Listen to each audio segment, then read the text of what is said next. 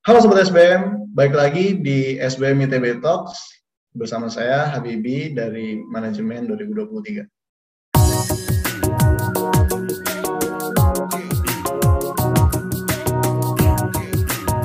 Hari ini saya sangat bersemangat untuk berbicara bersama Kak Ilham Nugraha, salah satu alumni SBM ITB angkatan 2020 yang sedang viral.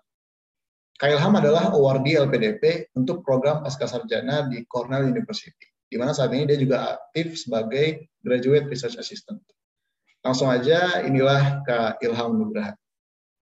Halo, selamat datang Kak Ilham. Makasih udah ada di sini.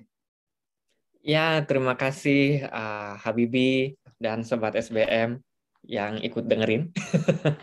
Langsung aja, baru-baru ini ada sebuah tweet yang sempat viral dan sempat juga dipost ulang sama akun Instagram LPDP tentang kisah seorang pengemudi taksi online yang anaknya sedang menempuh S2 di Cornell University. Mungkin pertanyaannya, uh, boleh ceritain nggak Kak, bagaimana perasaan Kak Ilham tentang tweet yang viral itu?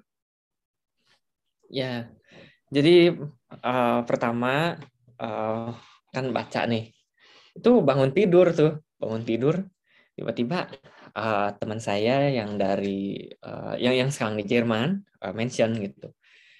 Terus saya cek, uh, lah iya ini bapak saya gitu. Wah kaget ya awalnya. Terus wah ini mah uh, jadi ini lagi kayak yang jadi omongan di Twitter lagi nih kalau gini. Wah seneng karena memang sebelumnya pernah jadi beberapa kali jadi omongan Twitter. Uh, waktu Maret kalau nggak salah Maret tuh saya lagi uh, dapat LOA dari beberapa kampus, terus coba crying for help. Ini tolong saya gimana nih, oh, beasiswa belum pada buka, ada yang bisa bantu nggak ya gitu. Uh, terus jadi omongan selama satu dua hari, terus down lagi, turun lagi, terus uh, kapan ya September kayaknya atau Oktober, uh, saya bilang lagi kalau ya uh, privilege itu bukan bukan hal yang harus dimiliki semua orang kalau mau maju gitu. Ya memang perlu usaha gitu. Uh, saya ngasih contohnya saya aja gitu. Terus jadi bahan omongan gitu. Dan Vio Indonesia sudah menghubungi saya pada saat itu. Uh, dan yang ketiga yang terakhir yang sama Mas Taufik Taufik Rifai yang ya, membahas ya. Ayah saya gitu. Kayak bukti nyata gitu ya. Nah, itu ya kaget cuma oh ini mah bakal ini lagi lah. Paling satu dua hari. Eh ternyata berlanjut sampai berapa lama ini? Ya itu cukup cukup kaget tapi uh, ya cukup terkejut tapi ya udah udah udah menyadari lah gitu. Kak tolong ceritakan kisah Kak dalam menghadapi dan melewati berbagai macam barrier dari barrier sosial hingga bahasa Mulai dari bidik misi hingga lolos menjadi awardee LPDP untuk S2 di Cornell University, University saat ini. Oke, okay. ya uh, terima kasih Habibi. Jadi ya sobat SBM, uh, eh, ya kan sebelum saya ada di Cornell, saya di SBM dulu. Nah, uh, perjuangannya dulu uh, ya mempersiapkan untuk masuk SBM ITB-nya dulu gitu. Jadi apa yang saya lakukan saat itu kan ya nggak ada duit banyak ya. Kalau les juga susah gitu. Jadi apa yang saya lakukan, saya hampir tiap pekan itu ikutan tryout SBMPTN gitu. Uh, ya yang bayarnya nggak gede-gede amat lah gitu. Maksudnya toh juga saya kalau ikut uh, bimbingan belajar, ujung-ujungnya latihan tes juga. Jadi ya udah ikutan latihan tes yang mingguan gitu. Wah, oh, ke mana ya selama dia masih di kota Bandung aku kejar gitu. Terus uh, latihan soal online nyari-nyari gitu. Hal yang hampir serupa saya lakukan untuk filsafat S2 gitu.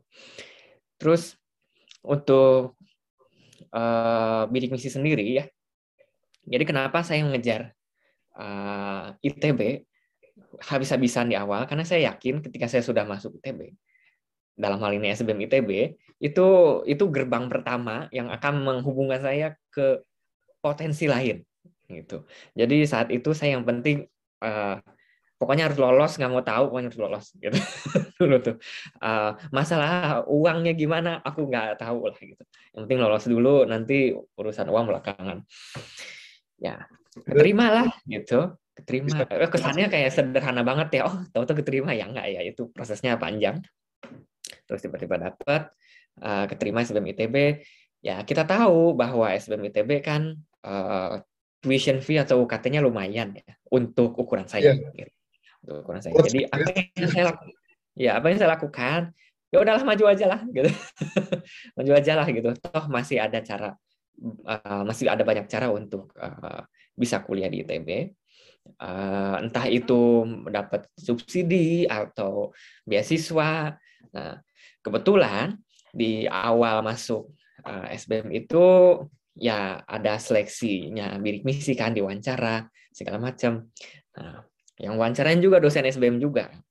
Nah, terus alhamdulillahnya dapat. Nah ketika dapat itu ya udahlah itu jadinya tenang. Uh, maksudnya cukup tenang untuk urusan uang kuliah. Nah itu yang beban paling besar gitu um, terus tadi urusan bahasa ya ya tentu saja yeah. Iya. uh, tidak hanya di Cornell di SBM juga kan sudah dibiasakan berbicara dalam bahasa Inggris untuk kelas ya. Gitu. ya ya memang awalnya agak kaget juga ya gitu uh, tapi karena memang kebetulan dulu waktu apa SMA dan SMP suka nonton dalam bahasa Inggris ya maksudnya udah sering terpapar jadi nonton dalam bahasa Inggris terus bawahnya pakai subtitle oh ini ngomong ini artinya ini gitu uh, karena memang ya udah biasa istilahnya otodidak gitu. Jadi ya udahlah gitu belajar. Terus jadinya saya praktek di SBM. Nah, mungkin teman-teman apa mungkin uh, teman-teman angkatan saya gitu yang juga sobat SBM itu bakal tahu kalau saya dulu di awal-awal mungkin sampai akhir di SBM gitu. Uh, kalau bicara bahasa Inggris, logatnya pasti ada Sundanya kadang. nah, itu ya hal yang bikin unik orang jadi ingat gitu. Autentik jadi. Jadi otentik jadi saya gitu. Dan akhirnya saya juga uh, apa mendorong Inggris yang bahasa Inggris yang internasional. Jadi bukan bahasa Inggris yang cenderung hanya uh, American English atau uh, British English gitu ya. Jadi ya, ya bahasa Inggris versi uh, orang non native. Nah, itu dia yang cukup jadi perhatian. Uh, itu dua barrier ya, barrier sosioekonomi uh, dan barrier bahasa. Uh, memang harus ngulik ya istilahnya ya, harus ngulik dan ada usaha lebih uh, untuk uh, overcome hal-hal tersebut. Kak, tolong ceritakan pandangan Kak Ilham tentang masa pandemi dan bagaimana di tahun-tahun tersebut seseorang bisa memanfaatkan kesempatan yang ada? Eh, memang ya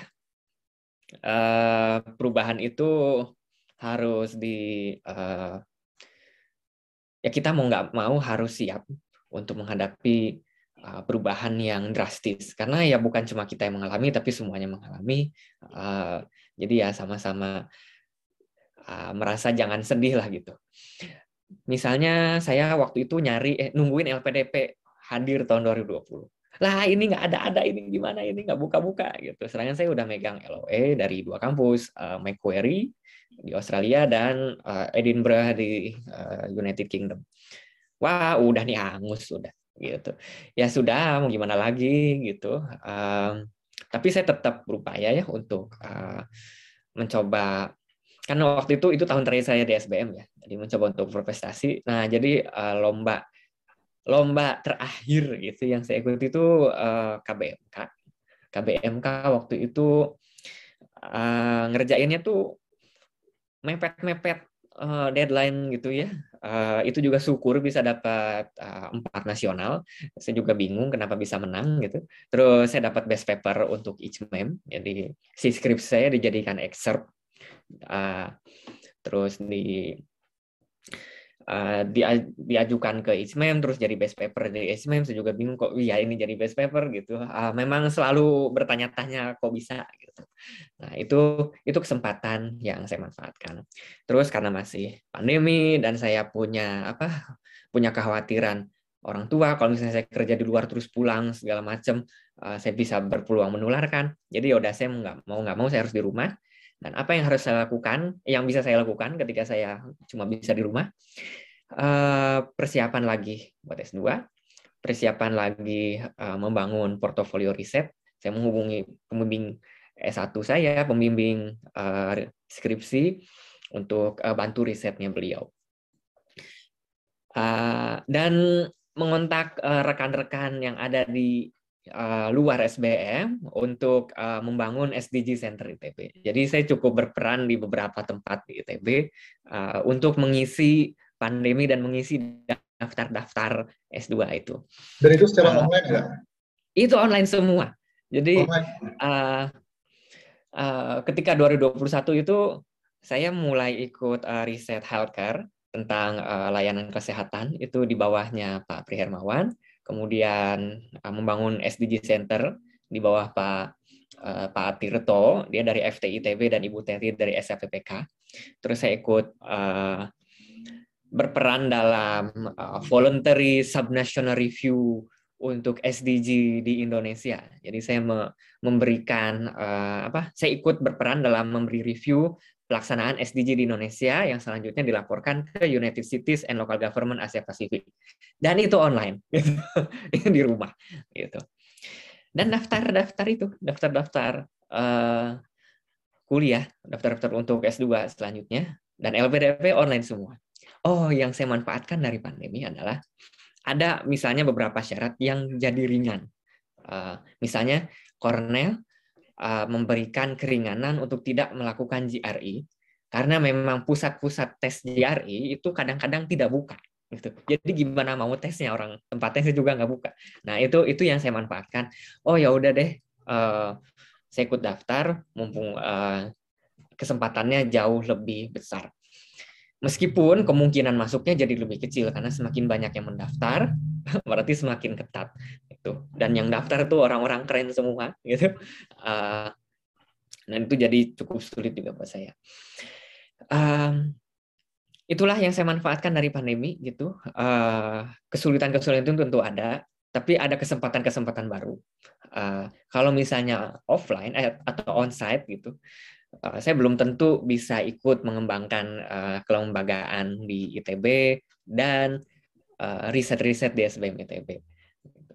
Tapi dengan keadaan yang semua serba online, jadi ya saya bisa melakukan itu di rumah dan memastikan uh, keluarga sehat, nggak ada yang ketularan COVID-19. Begitu Sobat SBM. Aku penasaran nih Kak, kuliah itu apa sih bagi Kak Ilham? Bagaimana kakak memandang masa kuliah dan mungkin sedikit saran untuk yang sedang menjalaninya.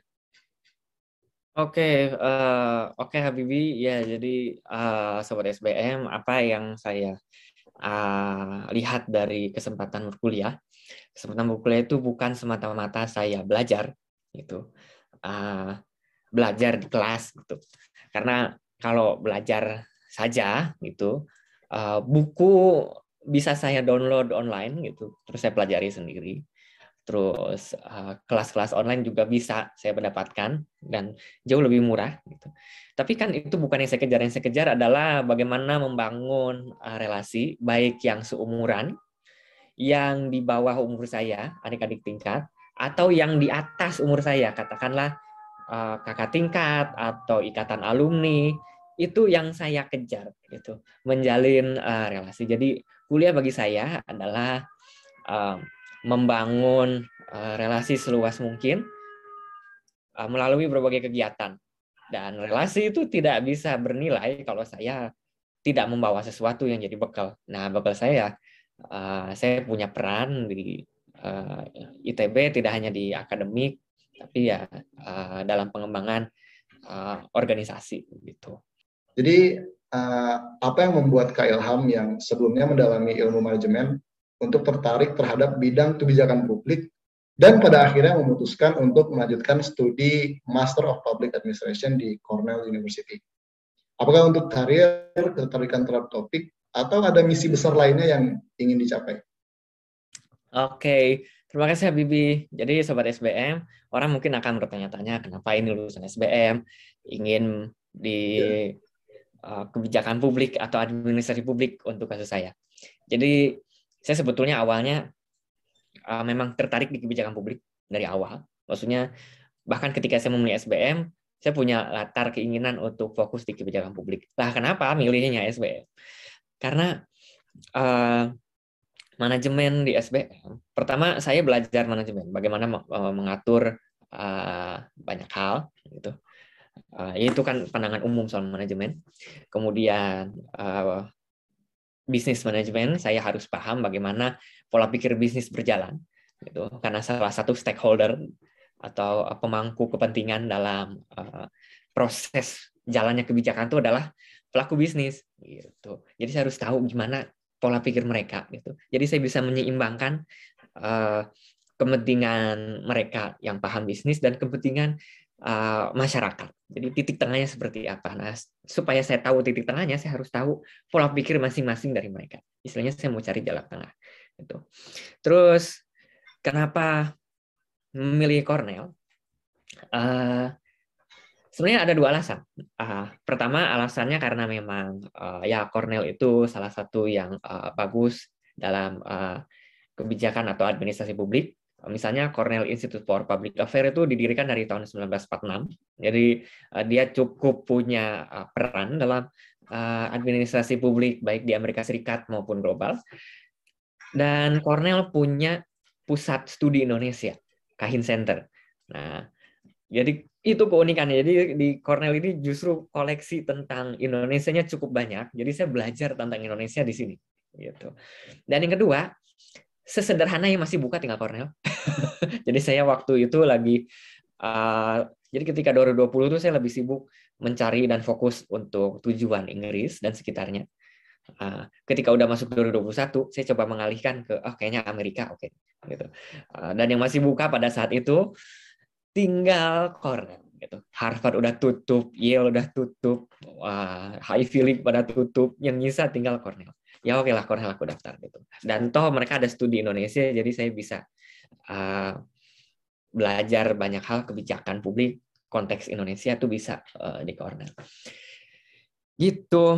Uh, jadi dua itu alasannya ya. Alasannya karena secara institusi Cornell cocok untuk uh, ketertarikan saya. Dan kedua, cocok dari segi waktu pada saat saya mau mendaftar. Ada pertanyaan untuk uh, Sobat SBM yang sama ingin melanjutkan studi S2 di luar negeri dan tentunya uh, mendapatkan LPD uh, beasiswa di berbagai lembaga. Apa tips yang ingin kakak berikan kepada mereka yang ingin melanjutkan studi di luar negeri?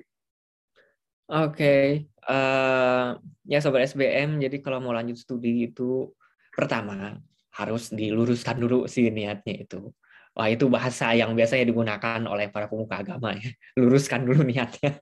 Ya tapi memang uh, memang begitu apa kita mungkin bisa saja mengarang-arang tujuan oh saya ingin begini oh saya ingin begitu kemudian hasil karangan kita kebetulan uh, impress panitia beasiswa atau panitia uh, penerimaan mahasiswa sehingga diterima tapi ketika uh, niat kita palsu hanya sekadar ya saya ingin luar negeri gitu uh, ya tidak bermakna uh, cukup dalam dan tidak apa ya, belum uh, ya tidak bisa memberikan manfaat lebih selain mendapatkan apa yang dia mau yaitu ya ke luar negeri gitu.